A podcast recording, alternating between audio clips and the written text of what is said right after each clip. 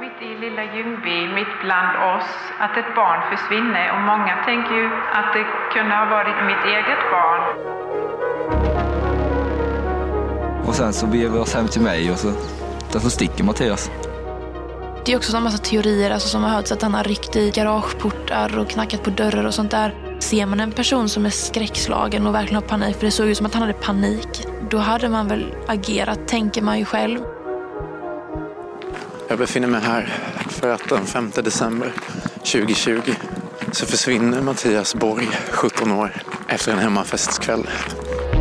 Under onsdagen upprättade polisen en anmälan om människorov och inledde en förundersökning. Vad jag vet sa att eh, du får tillbaka veta vad Mattias är om du betalar så mycket.